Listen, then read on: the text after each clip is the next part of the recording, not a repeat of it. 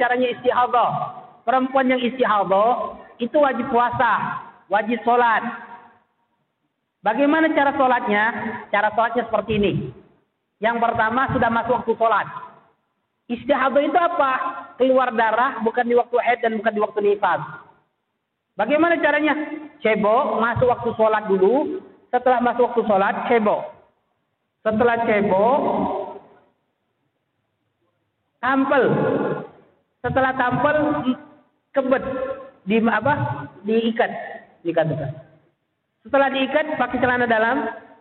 Cepat-cepat wudhu. Niat wudhunya, nawaitul wudhu istibati fardu sholat. Niat wudhu untuk diperbolehkan sholat wajib. Harus seperti itu niatnya. Langsung cepat-cepat dia sholat. Ketika dia berjalan sholat, ketika dia sholat masih keluar lagi, sah sholatnya. Masuk waktu asar, ulangi lagi. Masuk waktu maghrib, ulangi lagi. Masuk waktu isya, ulangi lagi. Seperti itu. Sampai benar-benar berhenti itu istihadah. Keluar darah daripada bukan di waktu haid dan bukan di waktu nifas. Perempuan istihadah sama seperti perempuan biasa. Boleh dia sholat, boleh dia puasa, boleh dia berhubungan badan sama suaminya.